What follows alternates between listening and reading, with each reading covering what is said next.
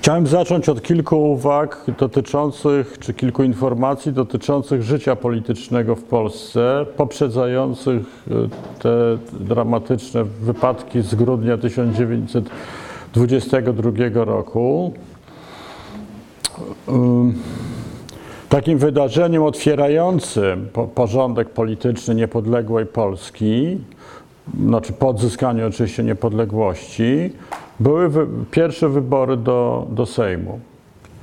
E, One odbyły się w styczniu 1919 roku i zadaniem tego Sejmu, bardzo szybko zwracam uwagę, no chodziło o to, żeby zamanifestować, że mamy do czynienia z demokratycznym państwem prawnym, o którego ustroju i rzeczywistości politycznej decydują jego obywatele w trybie wyborczym. Stąd te, te wybory były praktycznie, znaczy kraj był do tego nieprzygotowany, że nie było przecież ustalonych granic.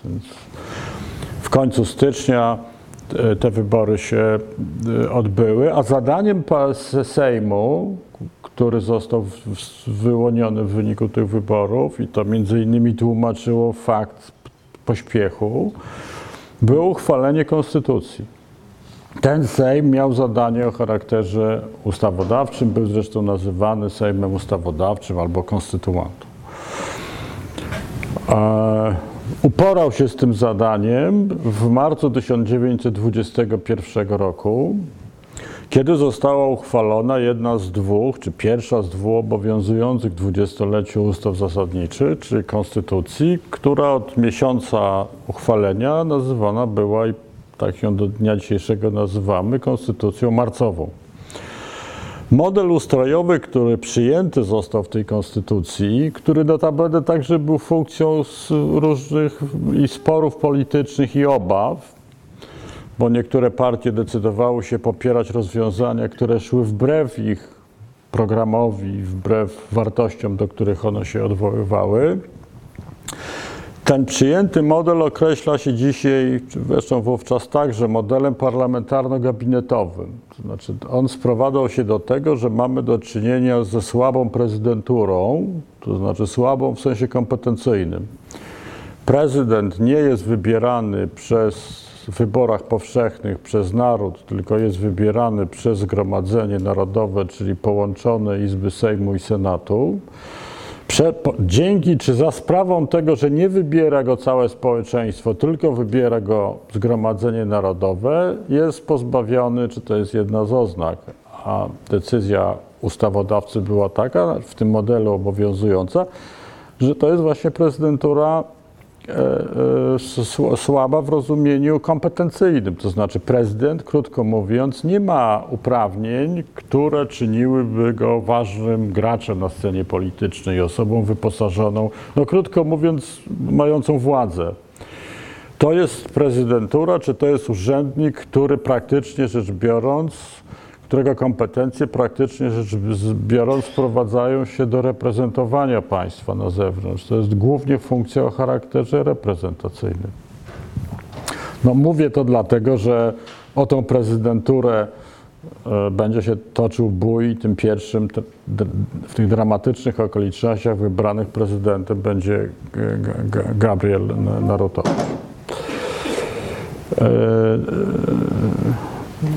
Właściwością tego modelu strojowego, który został przyjęty i który obowiązywał y, po uchwaleniu ustawy marcowej, był także taka cecha charakterystyczna, także istotna, przesunięcie wahadła władzy ku Sejmu, do Sejmu. To znaczy to, to, to miejsce, czy to, ten organ, w którym zapadały najważniejsze decyzje polityczne, i który miał istotniejsze kompetencje niż władza wykonawcza, to Sejm i partie w tym Sejmie fu- funkcjonujące. Problemem polskiego życia politycznego, który dało sobie znać już wówczas, to znaczy w czasie pierwszych wyborów i później, w momencie, kiedy odbyły się drugie, zaraz o nich powiem, te w wyniku których zostało wyłoniony Sejm, wyłoniony został Sejm i Senat, który wybierze prezydenta, Tym problemem było niesłychane roz, proszkowanie polskiej sceny politycznej. To znaczy mamy do czynienia z podziałami o charakterze e, biegnącymi wedle kryterium ideologicznych, to znaczy wiele ugrupowań politycznych, to cała paleta od prawa do lewa z taką segmentacją w obrębie tych sektorów, to znaczy podzielona prawica, bo są dwie partie czy dwa środowiska prawicowe, dwie partie ludowe, dwie partie odwołujące się do środowisk robotniczych o różnych barwach, o różnych tożsamościach po, po politycznych, na co nakładają się jeszcze różnice bardzo interesujące, dzisiaj zupełnie zapomniane i niewspominane, różnice poro, porozbiorowe. Bo Polska jest spoistym krajem, kiedy patrzymy na mapę, kiedy ona się przyobleka w kształt terytorialny, nabiera granic. No ale przecież ona była złączona z trzech albo czterech części, z trzech zaborów, tylko jeden rosyjski też miał różną specyfikę, bo to było Królestwo Polskie i tak zwane ziemie zabrane, które były rozdzielone od siebie przez ponad 120 lat, a mieszkający w tych zaborach Polacy byli przyzwyczajeni do funkcjonowania w różnych y, rzeczywistościach politycznych, ustrojowych, prawnych, finansowych, gospodarczych, do innych standardów życia. Prawda? Te różnice były ogromne o charakterze cywilizacyjnym. W zaborze pruskim przykład, odsetek analfabetyzmu wynosił około 4%, a na Kresach Wschodnich, na wsi, na wsi, na wsi w środowisku wiejskim wynosił ponad 80%. To są zupełnie różne światy. To jest naród, którego, który łączy szalenie dużo język, tożsamość, wyznanie w przypadku Polaków. Prawda? Ale te, te różnice wynikające z funkcjonowania w obrębie trzech zaborów są bardzo znaczące. One są różnicami o charakterze cywilizacyjnym i gospodarczym, ale są także różnicami o charakterze politycznym.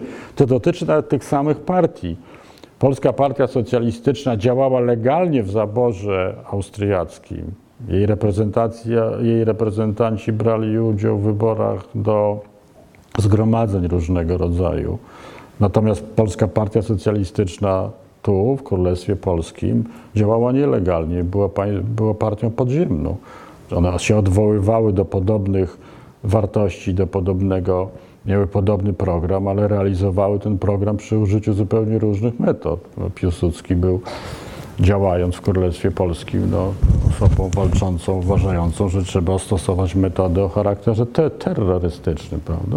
walcząc z państwem rosyjskim o niepodległość, a socjaliści e, w, w zaborze austriackim uważali, że najlepszą, czy jedyną dostępną metodą jest parla parlament i walka o charakterze parlamentarnym. No. Więc mamy do czynienia z czymś, e, nie z materią, myślę o życiu politycznym, czy współtworzących ją organizmach, w partiach politycznych niesłychanie z, z, złożonym. Na podział o charakterze ideowym nakłada się jeszcze ten podział o charakterze regionalnym, czy znaczy dawno zaborowym. Jest jeszcze jedna rzecz, która, e, która będzie widoczna i w trakcie pierwszych wyborów i będzie ważyła na życiu politycznym i w przypadku wyborów w 1922 roku. To są spory polityczne sprzed roku 1918. To znaczy mamy do czynienia z czymś, co można by nazwać jakąś złą zaszłością, czy taką złą tradycją. Bo jeżeli my jesteśmy poddani e, taki, trochę takiemu dyktatowi cezur chronologicznych, prawda? listopad 1918 roku to nie jest w przestrzeni polskiej, przestrzeni politycznej punkt zero. To nie jest tak, że życie polityczne Polaków zaczyna się w listopadzie 1918 roku od momentu, kiedy marszałek Piłsudski, znaczy jeszcze nie marszałek, Józef, przyjeżdża z Magdeburga. To, życie polityczne w warunkach nienormalnych, no bo braku własnego państwa, w warunkach zróżnicowanych, bo w tych wszystkich zaborach ono wygląda inaczej, toczy się wcześniej. powstają partie polityczne, które toczą ze sobą spór o charakterze, no taki trochę o rząd dusz, no, nie, nie biorą udziału w wyborach polskich, no bo tych wyborów nie ma, ale toczą ze sobą spory, ścierając się, spotykając się w wyborach do ciał przedstawicielskich innych krajów. No. Pierwszy bardzo ważny konflikt polityczny, czy najważniejszy konflikt polityczny, o którym tutaj można mówić, to zaczyna się w, na początku XX wieku, w momencie, kiedy mamy dwie, wykształcone dwie, du, dwa duże ruchy polityczne, czy odwołujące się do, nie partie, tylko ruchy odwołujące się do szerszych grup społecznych, mianowicie ruch narodowy i ruch socjalistyczny właśnie. No, jak się zachowywać? Bardzo ciekawy konflikt, tak zwana rewolucja 1905 roku. Jak, jak. Na to wszystko przed wojną nałoży się jeszcze jedna rzecz, mianowicie spory orientacyjne. To znaczy, jak Polacy mają się zachowywać wobec nadchodzącej I wojny światowej. Czy mają iść z Rosją, czy mają iść z Niemcami, czy mają iść z Austrią, czy mają iść z Rosją, to znaczy z jej koalicjantami, sojusznikami zachodnimi, czyli z Francją i z Wielką Brytanią. Więc e, to są wszystko czynniki, które w różnym stopniu, ale są obecne w polskim życiu politycznym, wpłyną na klimat i będą wpływały na klimat życia politycznego od początku, od listopada 1918 roku. Po uchwaleniu ustawy marcowej mamy do czynienia z takim okresem przejściowym, który jest wykorzystany do tego, żeby opracować ordynację wyborczą, żeby te wszystkie podmioty polityczne przyzwyczaiły się do tego, czym jest ta konstytucja, jakie jest prawo, o co się można ubiegać.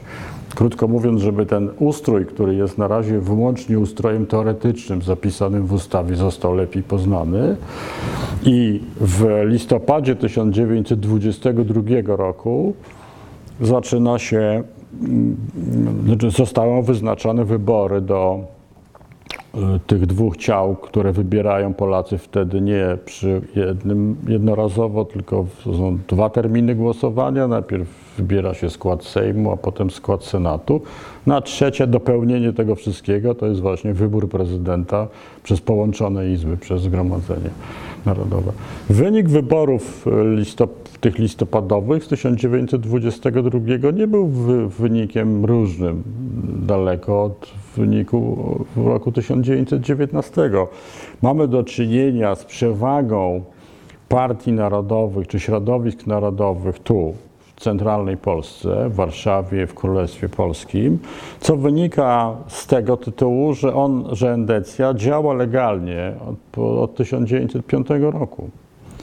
Więc to jest partia znana, mająca możliwość legalnego funkcjonowania, wyposażająca się w te wszystkie narzędzia czy instrumenty niezbędne do legalnego działania i wpływania na opinię publiczną, jaką jest prasa.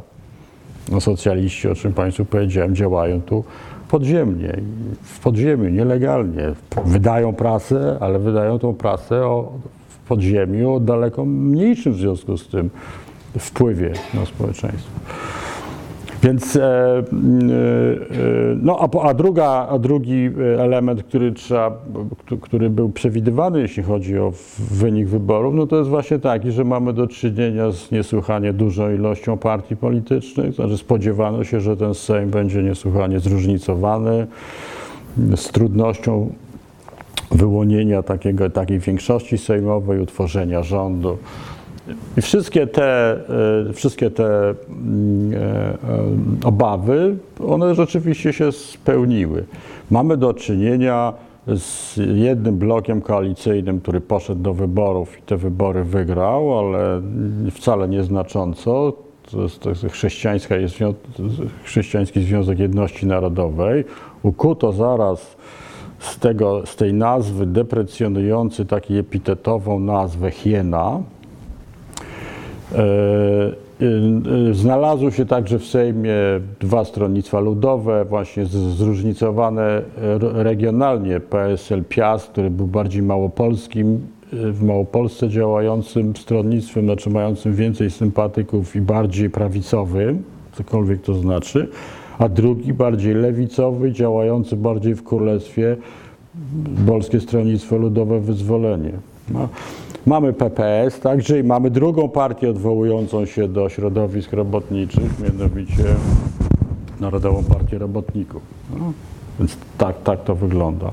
W tej konfiguracji politycznej, w przekonaniu prawicy, że ona w, przynajmniej w centralnej Polsce dominuje, że ona jest partią o charakterze, mm, no, to potwierdza do pewnego stopnia głosowanie partią większości, że ona uosabia wyobrażenia Polaków, czy, czy poglądy po, po Polaków, dochodzi do tego wydarzenia, które okaże się jednym z najbardziej dramatycznych wypadków politycznych w, w Polsce, który zaważy na wszystko, na, na, na biegu wypadków politycznych później, mianowicie wyborów pre, pre, pre, prezydenckich.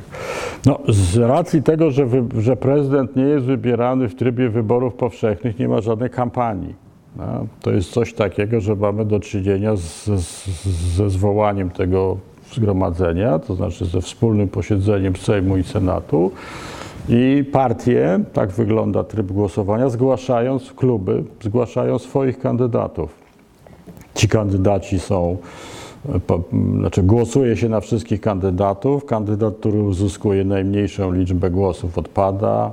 Mamy ponowienie głosowania i tak dalej, i tak dalej, do momentu, kiedy zostanie dwóch kandydatów o największej liczbie głosów oddanych dotychczas i oni się spotykają w tej rozgrywce o charakterze finałowym. Zanim doszło do e, głosowania, e, okazało się, że to jest kwestia czy konsekwencja kompetencji prezydenta, te, tego co pozwoliłem sobie określić mianem słabością tego, tego urzędu, że na ten urząd nie chcą kandydować najwybitniejsze osobistości polityczne. A to już, to już było pierwszy sygnał, że, że to jest, e, tu nawet nie chodzi o kwestię przyszłych wypadków i o osobę Narodowicza, ale to także była to także był stan rzeczy, który wpłynął na to, że rząd został wybrany. No, no bo mamy, można powiedzieć, taką trójkę czy czwórkę najwybitniejszych polityków, najbardziej znanych i zasłużonych, znanych, no to, to znaczy, no oczywiście Piłsudskiego, marszałka Piłsudskiego, który był y, traktowany jako polityk lewicowy, wówczas pamiętano jego związki z Polską Partią Socjalistyczną, ale odchodzący od tego.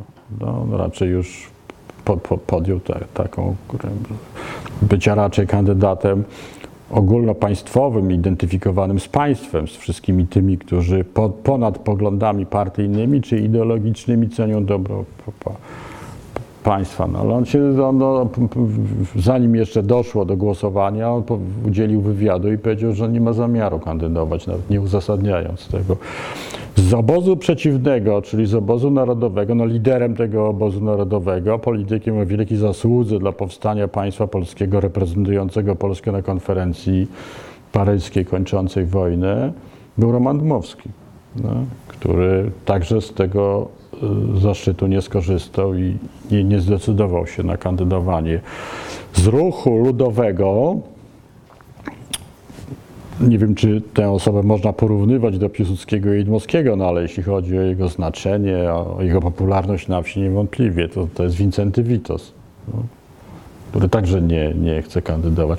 I właściwie jedynym w ruchu socjalistycznym to było tak, że zawsze, że on był tak skonstruowany, znaczy Polska Partia Socjalistyczna, żeby tam nie było lidera. No to jest partia odwołująca się do wartości demokratycznych, więc to przywództwo, władze partyjne były tak pomyślane, żeby nie było przywództwa w, w, skupionego w jednej osobie, tylko żeby...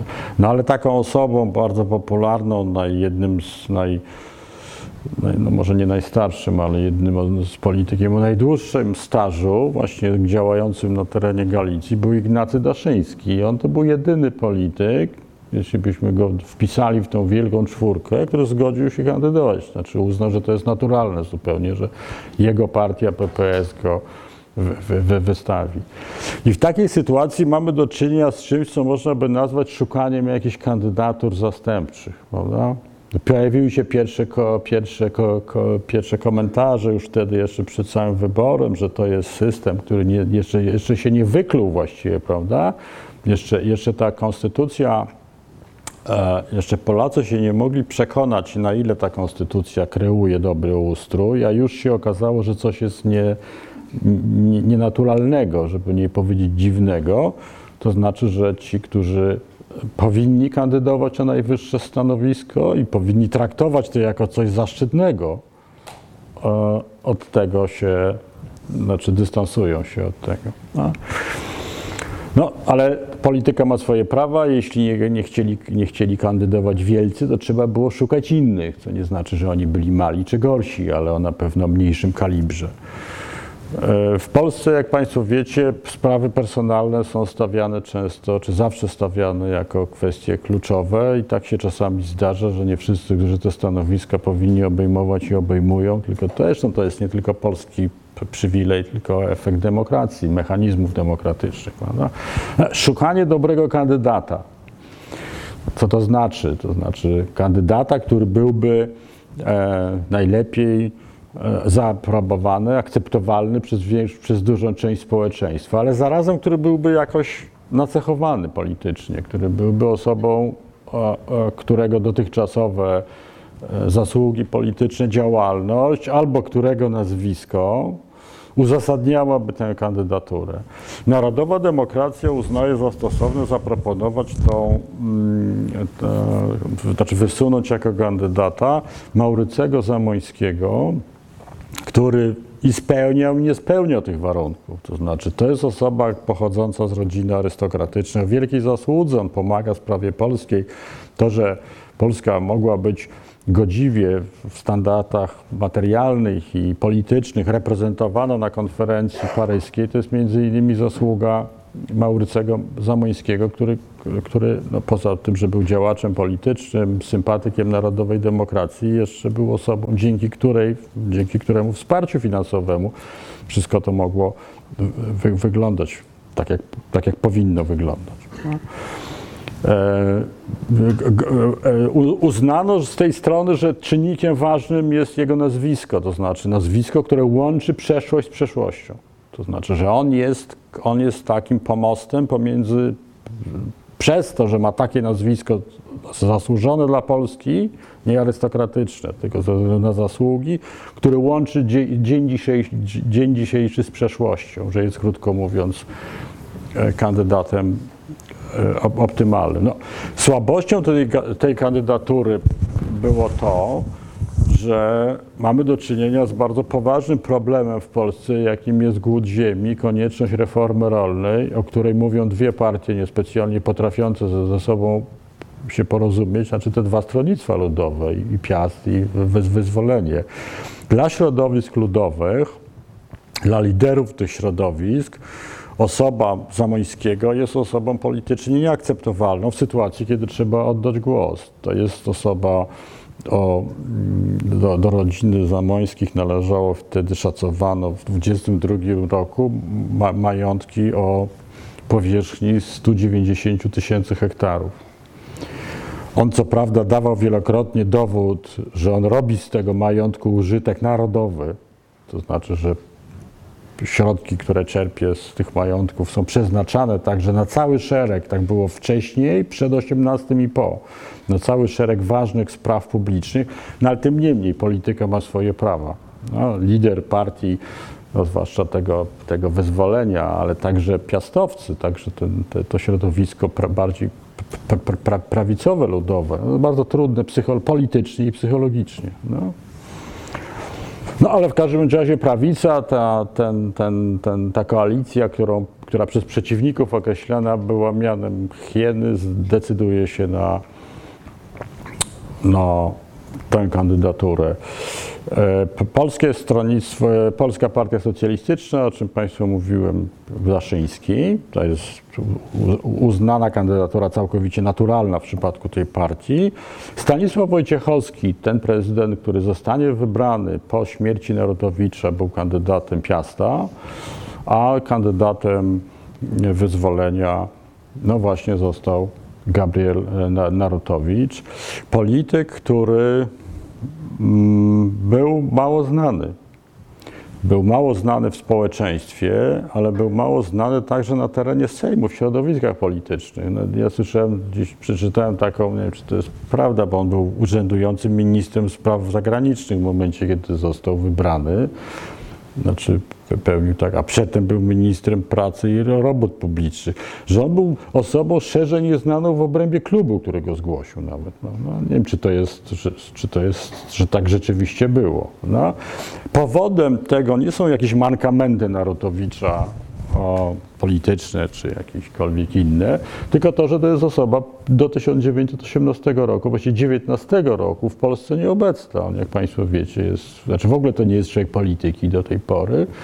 On wyjeżdża na studia do Szwajcarii, pracuje na, uniwersyt- na Politechnice, potem zakłada firmę, buduje elektrownie wodne i wraca do Polski w roku 1919, uznając, że te swoje doświadczenia polityczne niewielkie, ale środki finansowe, znajomość e, funkcjonowania systemów zachodnich, no, że on będzie mógł tym służyć Polsce. I tak tę funkcję pojmuje. To znaczy jest przekonany o tym, że chce w najlepszym tego słowa znaczeniu służyć temu powstającemu do niepodległego by, by, by, by, bytu pa, państwie.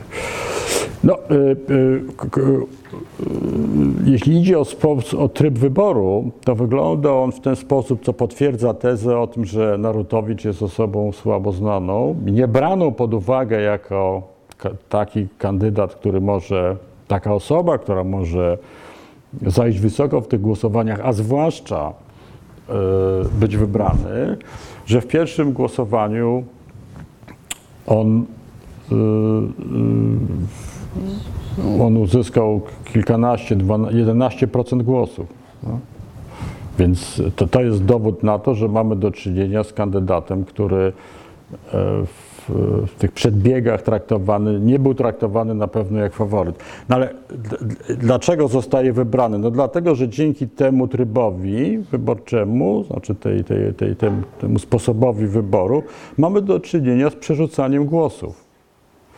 To znaczy wszyscy ci, którzy nie chcą głosować na kandydata prawicy, albo nie chcą, albo z jakichś taktycznych, albo politycznych powodów tego robić nie mogą, przerzucają głosy i mamy do czynienia, odpada kandydat, może jeszcze jednego wymienić trzeba kandydata mniejszości narodowych, klubów mniejszości profesora y, językoznawcy Jana Baudouin de Corte- de Courtenay, były takie rzadsze, on ma nazwisko francuskie, to na pewno nie może zostać pierwszym prezydentem Polski z takim nazwiskiem. No więc w momencie, kiedy on przeszedł, on był kandydatem klubów mniejszości, one zajmowały dużą pozycję, one prawie 100 posłów miały w Sejmie. No więc na, następuje ten proces przerzucania głosu. No. Z wstrzymywaniem się z, z Piasta, tej Witosa, który z powodów no, etycznych, moralnych, politycznych uważa, że nie, nie, nie można głosować, nie można popierać nie kandydata prawicy, ale takiego kandydata prawicy, to znaczy Ma Maurycego Zamońskiego.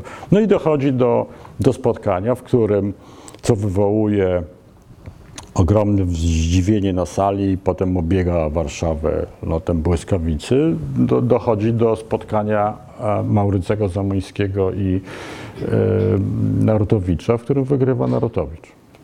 Z punktu widzenia formalno-prawnego mamy do czynienia z sytuacją, która nie budzi jakichkolwiek, e, jakichkolwiek wątpliwości. To znaczy ta procedura, tryb został do, dotrzymany. No, natomiast otwiera się sytuacja polityczna, to znaczy mamy do czynienia z jednej strony z przygotowaniami, zaraz o tym powiem, mm, podjętymi przez, natur, prze, przez Eligiusza Niewiadomskiego, to znaczy przez zabójcę, a z drugiej strony rozpoczyna się gra wokół tej sprawy. Gra, która praktycznie rzecz biorąc ma trochę wymiar symboliczno-prestiżowy, no bo przypominam kompetencje tego wybranego prezydenta. On naprawdę nic nie może. To jest walka o symbol. To jest walka o zaznaczenie wagi, czy podkreślenie, czy zaznaczenie wagi swojej pozycji politycznej przez obóz, który wystawił e, pre- Za- Zamońskiego, a nie walka o władzę, bo ta władza nie leży w przestrzeni kompetencji prezydenta, ona jest w tej przestrzeni, w której wybierano prezydenta. No. Więc taktyka, która któ- na którą decyduje się prawica, nie mogąca się z tym werdyktem pogodzić, sprowadza się do próby e, niedopuszczenia do wyboru. To znaczy scenariusz jest taki, to, to zresztą widać w tekstach, które wówczas zostaną opublikowane, zaraz o nich powiem, żeby e, przede wszystkim e, spowodować, wywołać, no nie chcę powiedzieć zamieszki, bo to na pewno nie było intencją, ale takie podgrzewać nastroje polityczne poprzez podkreślanie, że ten kandydat nie jest kandydatem zawdzięczającym swój wybór, ten prezydent nie zawdzięcza swojemu, swojego wyboru głosom polskim, tylko nie polskim, bo taką argumentację stosowano, zaraz jeszcze o tym powiem. No i wywrzeć tym samym pośrednio presję na Narodowicza, którym czytając gazety i widząc, co to się dzieje, mógł sobie pomyśleć, Jezus Maria, co ja zrobiłem, że ja się zgodziłem przyjąć ten wybór z, takich, z takiej strony, to znaczy ze strony części posłów polskich, ugrupowań polskich. To jest rachuba zresztą fatalna, bo znaczy zła, fałszywa, uruchomiona na użytek e, tej taktyki, którą na, narodowa demokracja przyjęła e, i ustąpić na przykład, prawda? E, Osobą, która wystąpiła, znane są dzisiaj te teksty, wielokrotnie się e, o, nich mówi, przywołuje się, która najostrzej, czy najbardziej sugestywnie może, bo to nie były wystąpienia ostre w sensie epitetów czy sformułowań, które były, które w nich padały, który występował, był Stanisław Stroński, e, wybitny romanista, profesor uniwersytetu, a zarazem publicysta i redaktor jednego z najważniejszych wówczas dzienników, y, który nosił tytuł Rzeczpospolita. I on opublikował cykl takich tekstów po wyborze, których zawarta była ta taktyka, o której Państwu wspomniałem. To znaczy, mianowicie, z jednej strony w sposób kontrolowany wpłynąć na podgrzanie atmosfery, ale teza, że grał na, na jakieś rozwiązania siłowe, absolutnie nie. Tego w tych tekstach nie ma. E, Tworząc atmosferę, która pośrednio wpłynie na samego prezydenta elekta, który wyboru nie, nie, nie, nie przyjmie.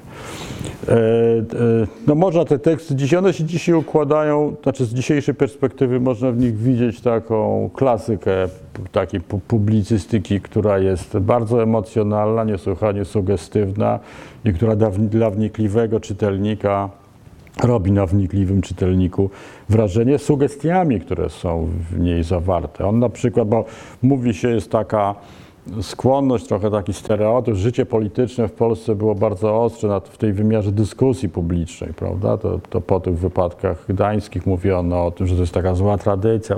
Te teksty nie są ostre, te, te teksty są fatalne, jeśli chodzi o, o interpretację rzeczywistości, bo logika, którą się posługuje Stroński jest właśnie taka, o, jak, o jakiej przed chwilą powiedziałem. To znaczy, to jest prezydent, która, to jest osoba, która nie, ma, nie miała prawa przyjąć tego wyboru. Prawa o charakterze moralnym, bo on nie podważa prawa rzeczywistego, procedury, z tego względu, że głosującymi na niego posłami, czy wybierającymi go posłami byli posłowie, którzy reprezentują kluby mniejszości narodowych, a nie polskie.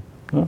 To jest ułomna, powiedziałem ułomna rachuba, dlatego że na przykład, co to znaczy klub polski? No w klubie PPS-u były, byli posłowie pochodzenia żydowskiego, prawda? No więc to nie można powiedzieć, że PPS jest klubem polskim, a klub niemiecki, czy żydowski, czy ukraiński jest niepolski, prawda? No to jest, to jest taktyka, to jest konstrukcja powołana do życia na do tego, żeby się odnieść do sytuacji, czy przy użyciu tej konstrukcji. To jest publicystyka dobra z punktu widzenia sugestywności, niesłychanie porywająca. To znaczy, to jest taki, taki kontakt z tym tekstem pozostawia do sytuacji, do, jeśli się zaczynamy czytać ten tekst, czytamy ten tekst drugi czy trzeci raz, to intencja jest już widoczna. Ale po pierwszym kontakcie tak, ten człowiek ma rację. Prawda? Stała się rzecz straszna został wybrany prezydentem Polski. Pierwszym prezydentem w dziejach, w pierwszych wyborach prezydenckich w historii Polski. Człowiek, który tego wyboru nie powinien przyjąć, bo ta część posłów, których głosami został wybrany, nie spełniała najważniejszego warunku. Tylko jakiego warunku? No nieistniejącego w żadnym prawie, prawda? Oni nie są Polakami, więc on wprowadza zamiast normy konstytucyjnej normy o charakterze emocjonalnym, narodowym, nacjonalistycznym. No. Teraz pytanie, bo musimy tu wprowadzić e, na scenę Eligiusza Niewiadomskiego, prawda?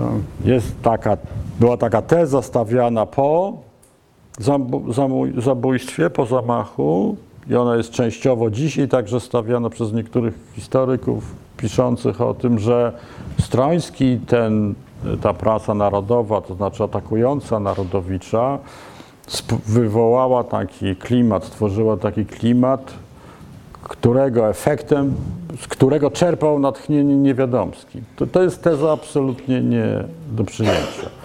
To znaczy, no nie wiemy, czy Niewiadomski czytał gazety, czy czytał teksty Strońskiego, czy nie, bo o tym w trakcie procesu mowy nie było. Ale to jest człowiek, który był, e, działał świadomie politycznie, z pełną polityczną pe, pre, preme- premedytacją, uważając, że nie tylko sam wybór Narutowicza jest zły, symbolicznie zły, tylko że w Polsce dzieje się źle od e, 1918 roku. Tą osobą, pewnie Państwo o tym słyszeli, która miała być zastrzelona, którą on definiował, czy, czy której on przepisywał wszystkie najgorsze rzeczy, za osłabianie Polski, za wprowadzanie demokracji, to jest śmieszna, śmieszny zarzut, prawda, że Piłsudski jest odpowiedzialny za te szybkie wybory, a za ten, za, za, nie za wybory 22, tylko za te wcześniejsze z 1919, które osłabiają państwo, które dzielą Polaków. No to jest człowiek, który myśli kategorią absolutnie, an, znaczy nie, nie anty, tylko zupełnie niedemokratyczną. Tej rzeczywistości zupełnie nie rozumie. Dla niego wprowadzenie standardu, który jest standardem oczywistym, i to nie w Polsce, tylko mieści się w klimacie Europy po I wojnie światowej. Cała ta Europa prze- przesuwa się trochę na lewo. Cała. no, pod wpływem wielkiego konfliktu. I to znakomicie Piłsudski rozumie, który może zostać dyktatorem, ale uważa, że z punktu widzenia interesu narodowego i państwowego Polska powinna przyjąć tryb ładu demokratycznego. Więc on wyraźnie o tym w czasie procesu mówi. Nie- Niewiadomski. Celem moim za odpowiedzialność za sytuację polityczną miał być Józef Piłsudski. On zresztą, zresztą do tego zamachu przy, przygotowywał już, dopytywał, bo Piłsudski miał być w miejscu publicznym w Warszawie jakiś czas wcześniej. Nie przyjechał tam, ten zamach spalił na panewce. Zwróćcie uwagę, co ciekawe, co by się stało, prawda? Losy polskim się zupełnie inaczej potoczyły, prawda? Dochodzi do wyboru na, na Narutowicza i to miejsce w jego świadomości Piłsudskiego, on zresztą też używa takiego, że to jest, że to jest y, osoba symbolicznie. No, przecież on, on, on Na- Narutowicz, nie, nie, on nie wyposażał Narutowicza w tę całą winę, którą przypisywał Piłsudskiemu. Narutowicz nie jest e, za to odpowiedzialny. Jest odpowiedzialny za wybór, ale jest symbolem tego wszystkiego, demokracji, zróżnicowania, tego wszystkiego, co jest konsekwencją drogi ustrojowej, którą idzie Polska, tego ładu ustrojowego. E, Zastrzega zresztą, że tak jak w przypadku Piłsudskiego, sam Piłsudski jako człowiek mógł być osobą czcigodną, używa takiego słowa, dobrą, natomiast w sensie politycznym to, co robił, jest dla niego absolutnie nie, nie do przyjęcia.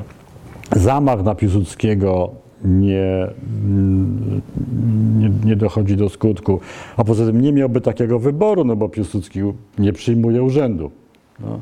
Więc jako kto miałby być zabity? Już do tej pory był naczelnikiem państwa, no, czymś w rodzaju prezydenta, ale nie pochodzącego z wyboru.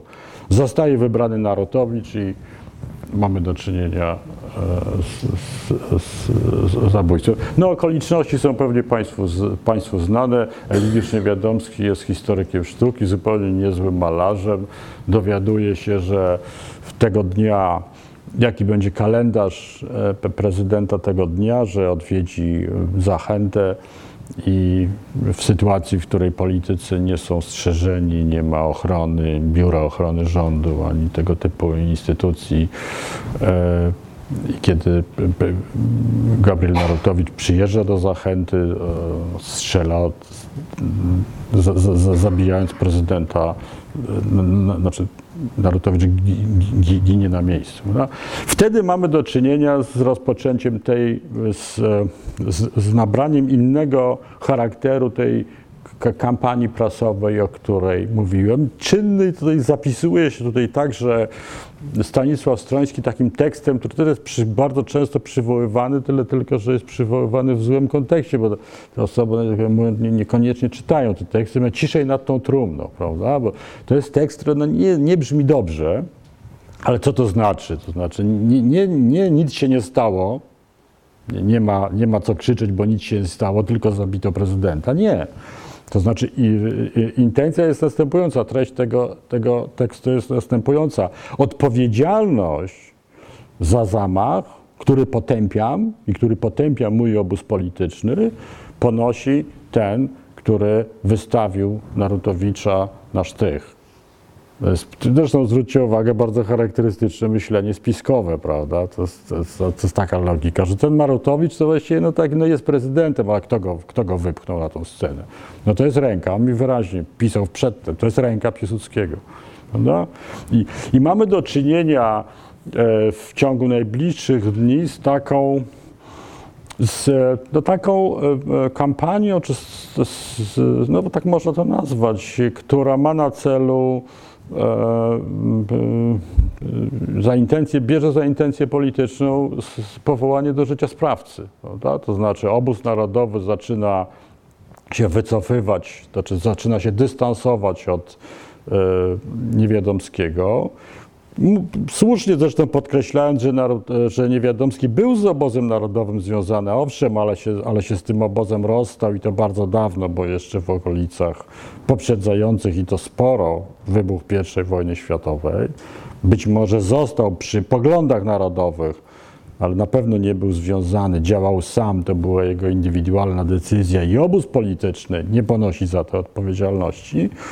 Natomiast e, przeciwnicy, bo oni się wtedy uaktywniają, to znaczy przeciwnicy prawicy, czyli środowiska liberalne, lewicowe, nie, które uważają, że to jest bardzo dobra okoliczność dająca możliwość eliminacji politycznej e, endecji, to znaczy przypisania indecji, endecji, czy prawicy narodowej do tej zbrodni po to, no żeby można było ją już napiętnować i żeby ona do końca świata funkcjonowała jako środowisko polityczne ponoszące odpowiedzialność za to. Tam się toczą bardzo no, nie wiem, czy to jest dobre określenie, humorystyczne, także spory w prasie o to, w jakim stanie mentalnym był Niewiadomski, dlatego że on w lutym 1918 roku miał wypadek, nie wiem czy wskakiwał, czy wyskakiwał z tramwaju i uległ wypadkowi. No, toczono polemikę, co mu się wówczas stało, to znaczy w jaką część ciała się uderzył. W zależności od części ciała miało to oznaczać, że on jest albo zdrowy psychicznie, albo nie, prawda? On obie nogi sobie złamał, wskakując czy wyskakując z tego tramwaju, prawda? Więc ta, no, zwróćcie uwagę, że to jest trochę podobne do, do stycznia tego roku, prawda? Do, do Gdańska. To jest, to, jest, to jest trochę, to znaczy, że tutaj dochodzi do dramatycznej sytuacji, no i teraz trzeba wykorzystać to politycznie. No? E, w tle tego wszystkiego ta sprawa jest nie do końca wyjaśniona, nie ma wystarczających dokumentów. Były mm, plany no, e, pójścia za ciosem, to znaczy myślę tutaj o stronie lewicowej, takie, takie sugestie doszły do Piłsudskiego, który to natychmiast zablokował, mianowicie wykorzystania tej sytuacji do tego, żeby się dobrać do skóry, to znaczy, żeby zainscenizować coś, co byłoby taką trochę zemstą na prawicy, no ale zemstą krwawą bardzo. Prawda? To znaczy te teksty, które się ukazywały w prasie socjalistycznej, można byłoby także tak przeczytać, prawda? To znaczy mamy do czynienia z tak strasznym wydarzeniem i z tak ewidentną odpowiedzialnością jednej z partii politycznych, że, że taka coś w rodzaju zemsty, czy też no, krwawej zastrzelenia kilku jej najbardziej takich prominentnych przedstawicieli byłoby uznane, że coś absolutnie oczywistego. Mamy w Polsce sytuację, która w sposób ewidentny dzieli nas, no nie wiem czy o włos, czy o centymetr, czy o metr, ale w każdym bardzo niewiele od konfliktu wewnętrznego, od wojny domowej. No. Osobą, która, dzięki której do tego nie dochodzi jest Pi- Pi- Pi- Piłsudski, który wszystkie tego typu pomysły tłumi i którego decyzją jest objęcie, desygnowanie na stanowisko prezy- szefa Rady Ministrów swojego przeciwnika politycznego od dłuższego czasu, generała Władysława Sikorskiego, który wtedy wchodzi na scenę polityczną, który jest traktowany jako wojskowy i jako osoba, która jest niezwiązana z żadną partią polityczną. Jego obowiązkiem, celem tego rządu jest przy zaprowadzenie spokoju, to znaczy doprowadzenie do sytuacji, w której będzie można wybrać kolejnego prezydenta, pociągnięcia ewentualnych winnych do, do odpowiedzialności. Myślę nie tylko o Niewiadomskim, bo to jest oczywiste, ale są starcia w Warszawie, które obie strony obwiniają się, zaraz po wyborze, obie strony obwiniają się za inicjowanie tych, tych wydarzeń, podgrzewanie atmosfery na, na ulicach, ale tam są ofiary śmiertelne także. Więc e, e, obowiązkiem rządu Sikorskiego, tym jego podstawowym zadaniem było, była, było opanowanie sytuacji i za, zaprowadzenie spokoju. Be, na konsekwencją polityczną bezpośrednio, bezpośrednim następstwem była oczywiście, było oczywiście, była oczywiście konieczność wybrania nowego prezydenta. Został tym, na to stanowisko wybrany kandydat Piasta, Stanisław Wojciechowski, który uważano, że jest tak samo dobrym i tak samo złym kandydatem, jak był Narutowicz, to znaczy na pewno nie należącym do tych pierwszej ligi po, po, po polityków w Polsce. Wybrany został takimi samymi głosami, to znaczy struktura głosów, ta obecność idąc tokiem logiki Strońskiego była taka sama, to znaczy wybrano go głosami niepolskimi, mówię to w cudzysłowie. No żadnej oczywiście kampanii protestów nie, nie, nie, nie, nie, nie, było. Endecja przyjęła, czy prawica przyjęła porażkę swojego kandydata w, z, z, z pokorą i e, po polskie życie polityczne zaczęło się to, to, to, toczyć dalej. Natomiast chciałem na koniec jeszcze o jednej rzeczy wspomnieć, mianowicie odnosząc się jeszcze do, na moment do, do tekstów Strońskiego, do tej logiki, którą on wówczas uruchomił. To jest dowód, jak z jednej strony zacietrzewienie polityczne, źle pojęty patriotyzm, bo jego nie można go te, te, odmówić mu tego, prowadzi do fatalnych następstw, dlatego że teza, która jest zawarta w tych wszystkich tekstach, to znaczy teza, że przedstawiciele mniejszości nie mają wybierać prezydenta, zwróćcie uwagę Państwo, jest de facto podważaniem ładu konstytucyjnego, prawda? Konstytucja marcowa to jest konstytucja państwa, w którym co trzeci obywatel nie jest narodowości polskiej. Co najmniej, co najmniej. Prawda? Bo mniejszości narodowe, zwłaszcza ukraińska mniejszość, uważała, że ją się źle, źle liczy, że jest jej za, jest znacznie więcej. prawda? Więc ten, więc ten współczynnik 30% oznacza, że co najmniej co trzeci obywatel tego państwa jest Polakiem narodowości niepolskiej. Czytając te teksty, czy dowiadując się z tej praktyki, z, z tego sposobu myślenia, którego orędownikiem czy wyrazicielem jest Stroński, no, że oni właściwie są obywatelami nie mającymi tych podstawowych praw. On tam jeszcze pozwala sobie na stawianie takich tez, że jeśli prezydent został, co jest absolutnie nie, nie, nie, nie, nie do udowodnienia, to znaczy bezsensowne, nie mające związku z rzeczywistością, że jeżeli prezydent został wybrany głosami mniejszości, no to on będzie zależny od tych mniejszości. A mniejszości, jak wiadomo, są wrogie Polsce. No?